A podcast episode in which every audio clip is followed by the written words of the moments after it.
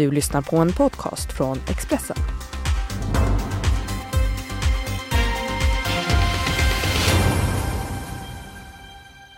Vad vill Ulf Kristersson samtala med Sverigedemokraterna om när de tycker ungefär lika? Vad borde Stefan Löfven plugga för ryska glosor inför mötet med Putin? Och vad har Ebba Busch Thors kräksjuka barn med politiken att göra?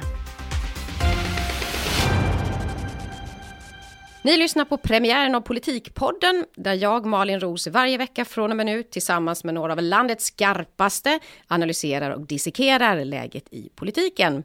Idag har jag med mig för ändamålet Anna Dahlberg, politisk redaktör på Expressen och eh, Expressens kulturchef Karin Olsson. Karin, först, hur mycket politik är det bakom det som händer på Dramaten just nu? Ja, ganska mycket faktiskt. Det här är nationalscenen vi pratar om. Eh, kulturministern, hon åkte ju raka vägen till eh, eh, till Dramaten efter Josefin Nilsson-dokumentären i princip och uttryckte sin oro. Det var inte tala ministerstyre, men hon var väldigt tydlig med att hon då ville se vad som hände där. Eh, och styrelsen är politiskt tillsatt, så att de vill väl se till att huvudet rullar innan de själva börjar ifrågasättas. Eh, så jag tror att Erik Stube som nu fick avgå vdn, han är lite av ett bondeoffer. Det är klart att han har ett ansvar, men han är också ett bondeoffer för att visa att man gör en omstart av teatern. Nu tar man i med hårdhandskarna här för en god arbetsmiljö arbetsmiljö och då måste han gå. Så det finns absolut ett politiskt spel här i kulisserna. Mm. Hur många fler huvuden kommer rulla då? Ja, man har gjort så med den här skådespelaren nu, eh, sent om sidor och så Erik Stube. Men nu tror jag att fokus kommer vara att hitta en ny duglig konstnärlig ledare. Mm. Okej, vi kastar oss över dagens första ämne och eh, nu gäller det att hänga med i svängarna och eh, jag säger lys upp.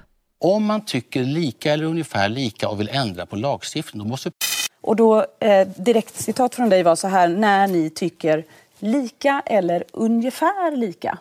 Och då undrar jag, när ni tycker ungefär lika, vad händer då? När man tycker lika eller ungefär lika. Och det är ja, det där jag undrar. Tyckte ni ungefär lika där innan? Och sen... Om det var exakt lika eller ungefär lika. Därför att andra tycker lika eller ungefär lika. Jag vill fortfarande förstå vad du menar med ungefär lika.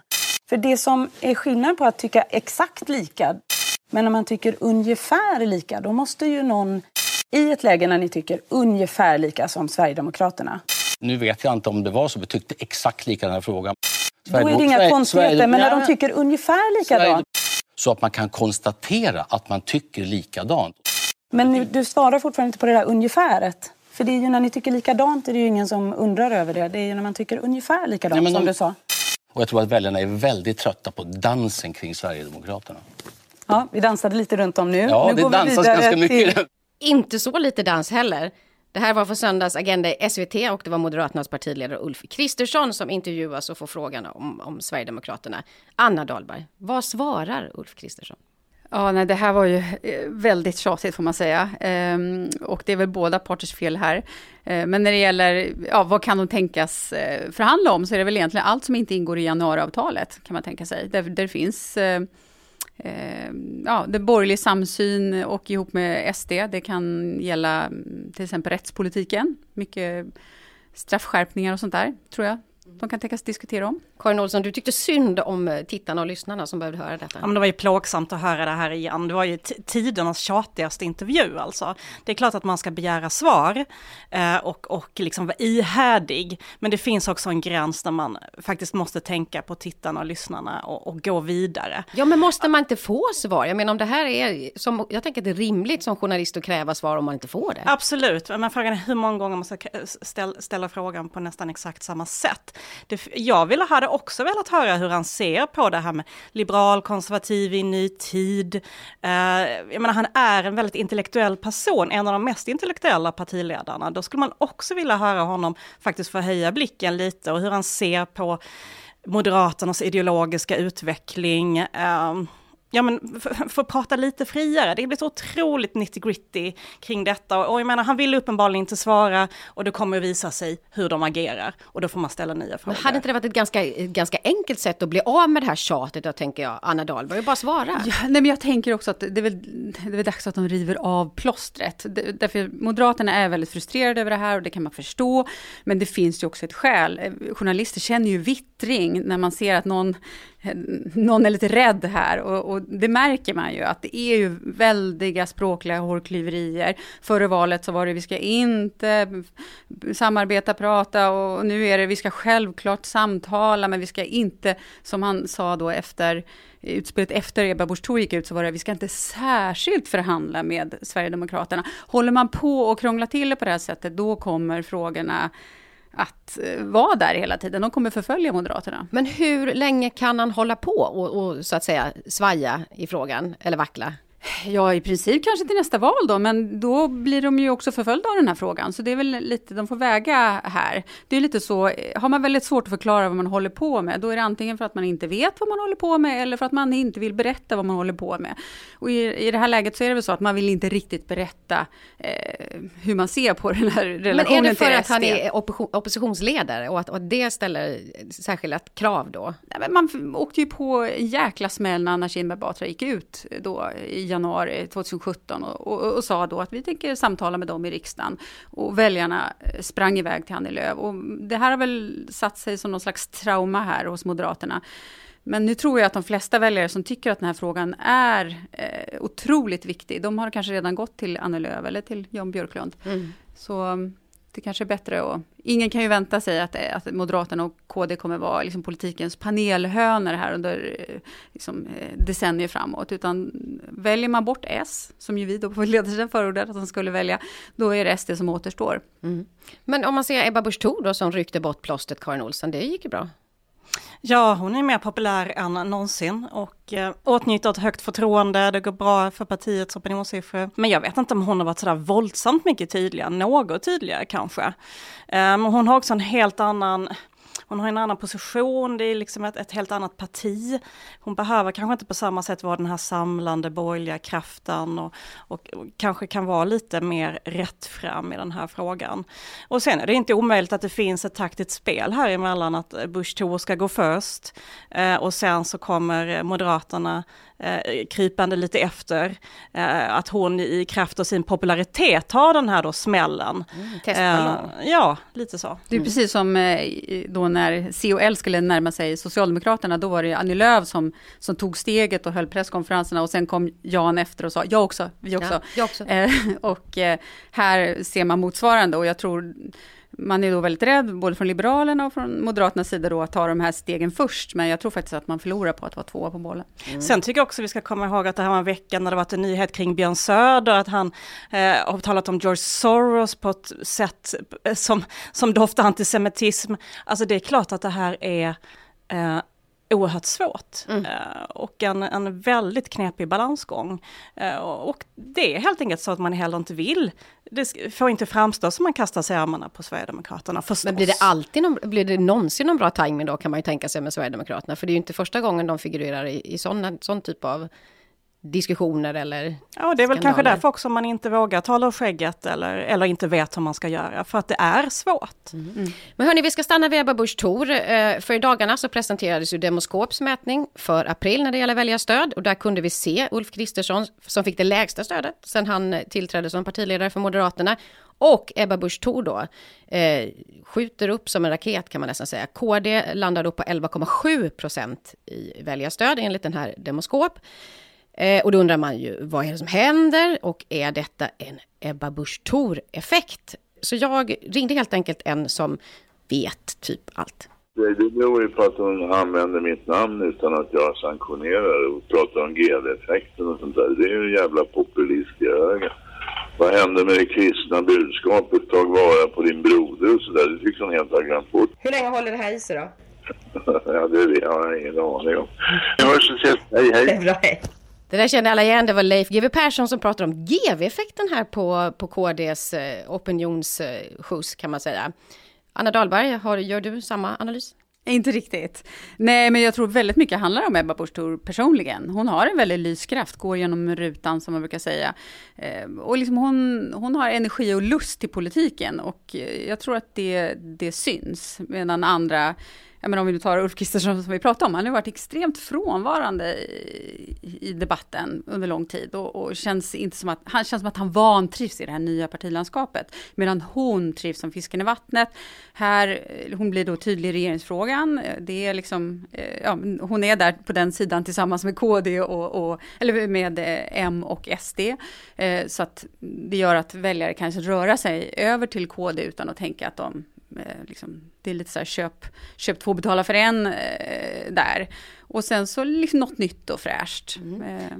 Men sen är det ju, vi ska ge Leif GW det att han sköt ju inte bara, bara från höften här, utan det, det här var ju ett debattinlägg som kom från Kristdemokraterna, från Ebba Busch Thor, där, han, där hon föreslog att pensionerade poliser skulle få ett 50% lönepåslag om de kom tillbaka som utredare då i olika sexbrott. Karin?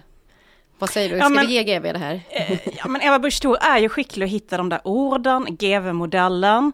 Hon talar ofta på sin Instagram om så mom-shaming, att det ska man inte ägna sig åt. Alltså hon har en, hon eller hennes stab, vem det nu är, har en, en, en känsla för samtiden, hitta de här orden som, som tränger igenom bruset. Sen har hon ett munläder av Guds nåde. Eh, eh, hon är ju otroligt liksom retoriskt begåvad och, och eh, liksom helt trygg. Och detta som Anna säger att hon utstrålar lust samtidigt som hon också bara ångar på. Men du måste bara stanna vid det, för, för, för, man har kunnat se, om man följer partiledare på sociala medier till exempel, så har man den här veckan, får man ju också veta saker om Ebba Busch Thors barn till exempel.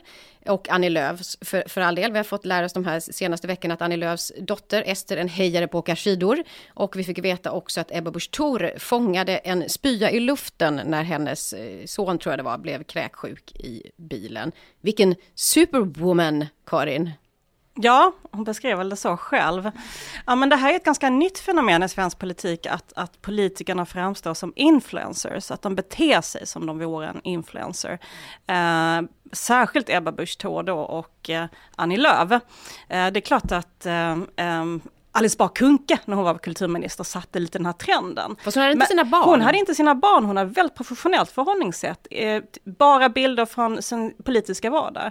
Men det man ser hos Ebba Busch Thor, Annie Lööf, handlar, det är liksom, du är inne i familjevolvon. Du är med på fredagstacosen, du är med på träningstillfället. Eh, jag menar, det, det finns ingen hejd på hur, hur långt de släpper in eh, sina väljare. Ja, fast så ser man också, de får massa unga kvinnliga väljare. Om man ser Annie, Annie, Annie Lööf till exempel, storstadskvinnor. Är inte det jättesmart då, Anna? Ja, det funkar väl. Det är någon form av eh, modern identitetspolitik, eller högerns identitetspolitik, eller se här är liksom, framgångsrik ledare och mamma och så vidare.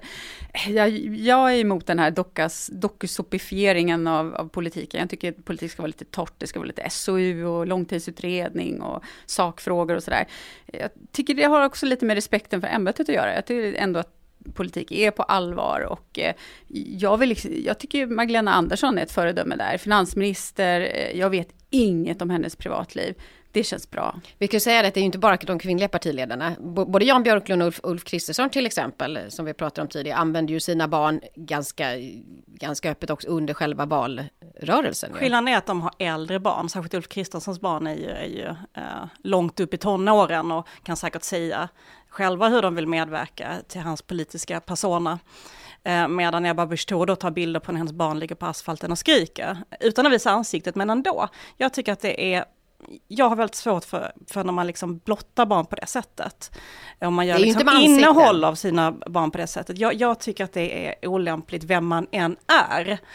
Sen blev det ju ändå väldigt konstigt med Jan Björklund då när han satte sina barn i pant inför SD-kortet där, att han skulle aldrig, han skulle aldrig samarbeta med SD. För, på grund av eh, de egna barnen. Det, det blev ju inte bra. Nej. Nej, han fick, fick svara på det ganska många gånger alltså, sen också. Politikers uppdrag är ju att värna om allas våra barn. Det är det de är satta att göra. Um, och sen, men sen måste jag säga att, att följa de här på Instagram är lite av min så guilty pleasure. Uh, jag är lite läg lägre stående än Anna som säkert läser en SOI under den tiden. Men uh, jag följer ju alla och jag ser, uh, jag tycker det är så mysigt när Stefan Löfven och Ulla dyker upp med en liten julhälsning och sådär. Det ser du, du bara hycklar din kritik. Exakt, nej men jag följer ju detta. Um, man har också lite tankar om var man drar gränsen, hur mycket man släpper in. Mm. Men bara, bara för att åter, återvända kort till det här som Leif GW ändå, ändå lyfter här när det, när det handlar om Ebba Busch Thor. Hjälpa din broder och vad händer med det kristna budskapet? Jag då, som är uppvuxen i KD-land i Huskvarna, undrar lite samma sak. Jag ska säga för transparensens skull så gick jag samma klass som Jakob Forssmed som är ekonomisk politisk talesperson för KD. Och när jag växte upp så var ju, det var ju, Alf Svensson var ju gud och det här var på KDS-tiden. Och de som röstade på KDS då, det var ju tanterna i Tenhult som över kyrkkaffet sydde, sydde kläder till nödställda barn i Afrika. Anna Dahlberg, varför ska de rösta på KD idag? Gör de det? Ja, det är frågan. Det verkar som att KD räknar nog med att de inte är så många till antalet eller att de trots allt eh, är trogna och inte har så många alternativ. Men det är ju en enormt snabb förändring här.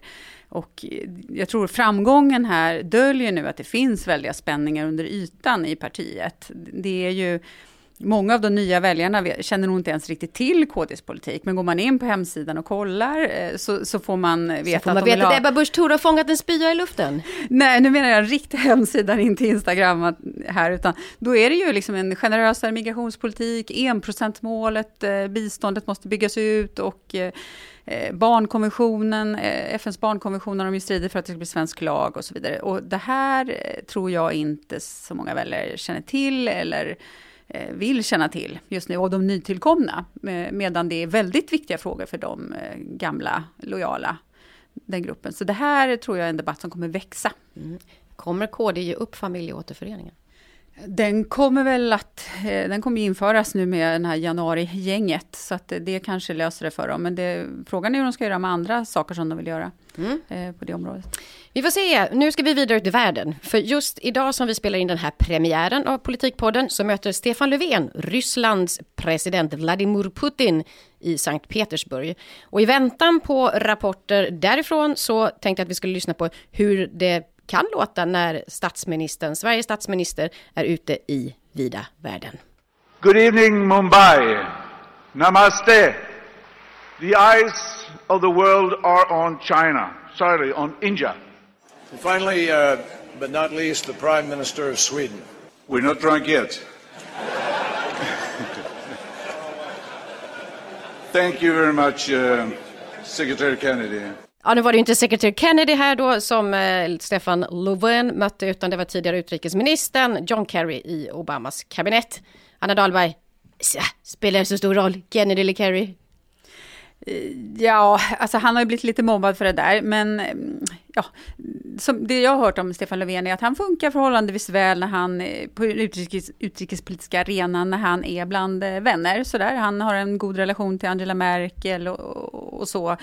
Pragmatisk, lågmäld person som, han verkar också dessutom trivas mest eh, på det utrikespolitiska planet. Jag är mer bekymrad när han ska prata med Vladimir Putin, måste jag säga. Är du? Varför då? Det finns en socialdemokratisk övertro till dialog, eh, att man på något sätt ska kunna prata sig eh, fram till någonting. Och här gäller det ju att Sverige inte är naivt när man träffar Putin. Mm. Vi måste hålla upp, uppe trycket eh, kring eh, ja, folkrättsbrotten i Ukraina, eh, annekteringen av Krim och så vidare. Och också påtala, tycker jag, vad Ryssland ägnar sig åt här och nu i Sverige. Det är ju, jag menar Säpo griper ju spioner, det är cyberattacker, vi vet också att de eh, flyger, flygincidenter, haft kränkningar, flyger utan transpondrar på.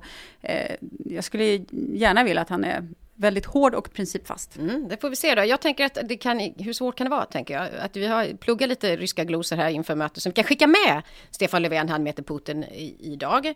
Отдать fanat в Gotland. Ge fan i Gotland. Eller hur? Absolut, mm. skriver under på. Det skriver vi under på.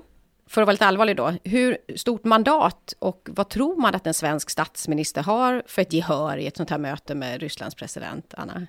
Nej, han kommer inte att lyssna på Sverige. Vi, vi, är fullständigt naiva om vi tror att han på något sätt ska ta eh, intryck. Jag tror det var Danmarks före detta utrikesminister, eh, utrikesminister Uffe Ellemann Jensen som liknade Putin vid en hotelltjuv. Han är en sån här som glider runt i korridoren eh, och så testar han, liksom, är, det, är det olåst någonstans? Och det är ju lite så Ryssland agerar nu. De har, han har en väldigt, väldigt tydlig agenda. Ryssland vill ha en egen intressesfär.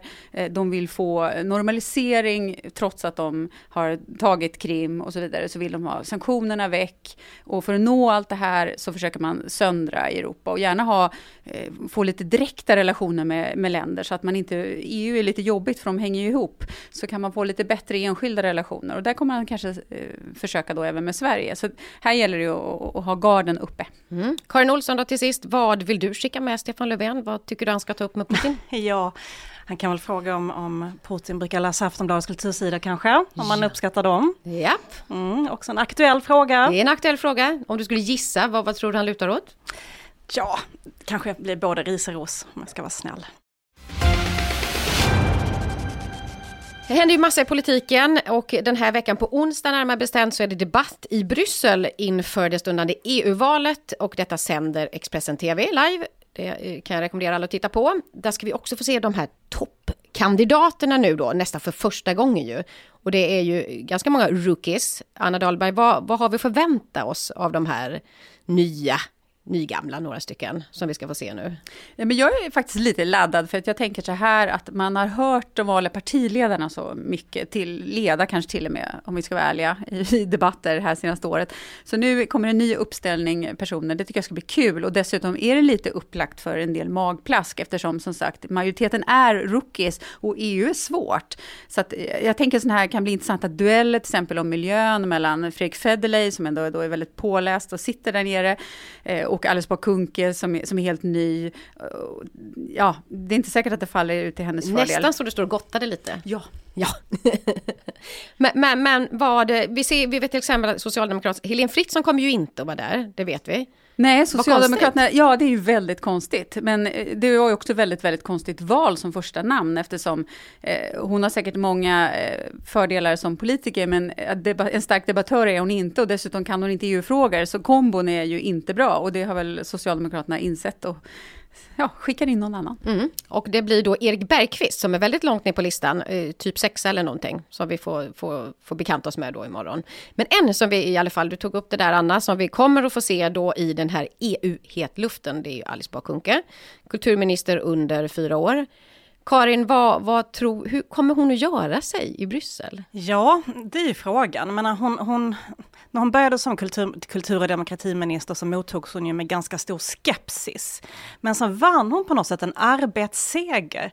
Eh, och det berodde ju mycket på att, att alla som träffade henne blev liksom betagna av mm. hennes energi, karisma. Uh, och hon, liksom, hon helt enkelt bara jobbade på. Hon reste runt, hon instagrammade, hon invigde, hon gick på fester. Eh, frågan är om, om, liksom, om politiken i Bryssel fungerar på samma sätt. Sen vet man inte heller hur mycket hon liksom drivs av, eh, vad ska man säga, hela, hela medieexponeringen, för att gå på Nobelfester. För det får hon inte göra nu? Nej. Eh, visserligen finns det väl glamour även i Bryssel och fina mottagningar och anledning att se upp tjusiga klänningar även där. Men det blir någonting helt annat och sen också helt andra frågor som hon måste ta sig in i mm. helt enkelt. För hon har ju som du säger, hon har varit mycket, man har sett henne från galer och fina klänningar och fjäderskrudar och allt vad det är. Den, den ena mer spektakulär än den andra. Är strålkastarljuset i Bryssel tillräckligt starkt för Alice Bah Kuhnke? Ja, om man ska säga det från andra sidan så kommer hon ju faktiskt från en sån här folkrörelsebakgrund och hon var engagerad i scouterna och hon, alltså på något sätt så verkar hon älska att jobba och slita dygnet runt, åka nattåg, upp och föreläsa.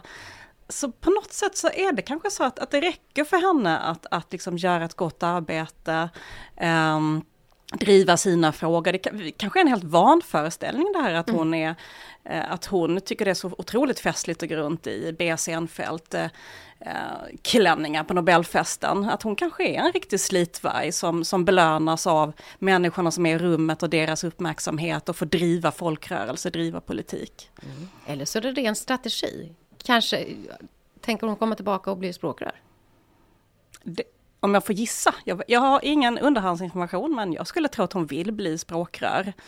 Uh, och man kanske kan tänka sig att det skulle vara lite bättre dynamik mellan Per Bolund och henne än mellan Bolund och Isabella Lövin som har lite samma mer nedtonade byråkratiska stil. Uh, då skulle man kunna ha den här kraftfulla karismatiska ledaren i Alice Bah Kuhnke och, och den mer, uh, ja, lite gråare gestalten i Per Bolund.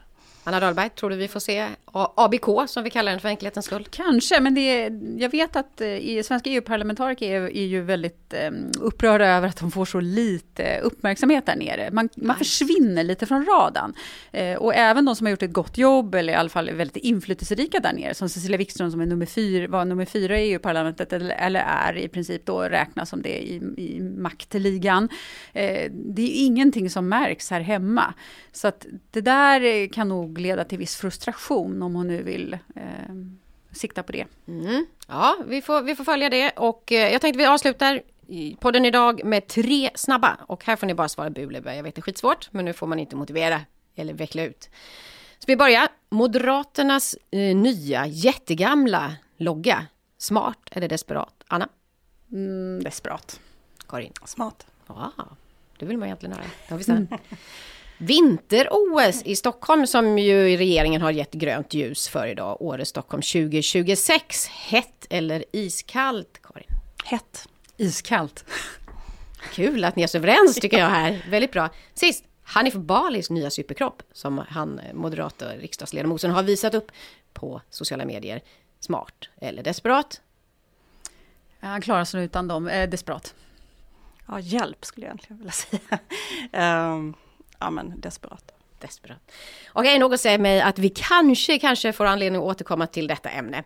Tack säger jag till Karin Olsson och Anna Dahlberg för att ni ville vara med idag i denna premiär och tack alla ni som har lyssnat på Politikpodden. Vi är tillbaka igen nästa tisdag. Till dess, zbazibo do svidania. Eller kort och gott, tack och hej. Du har lyssnat på en podcast från Expressen. Ansvarig utgivare är Thomas Mattsson. Ett poddtips från Podplay. I podden Något Kaiko garanterar östgötarna Brutti och jag, Davva, dig en stor dos skratt. Där följer jag pladask för köttätandet igen. Man är lite som en jävla vampyr. Man har fått lite blodsmak och då måste man ha mer. Udda spaningar, fängslande anekdoter och en och annan arg rant. Jag måste ha mitt kaffe på morgonen för annars är jag ingen trevlig människa. Då är du ingen trevlig människa, punkt. Något Kaiko, hör du på Podplay. Därför arkadeinerna.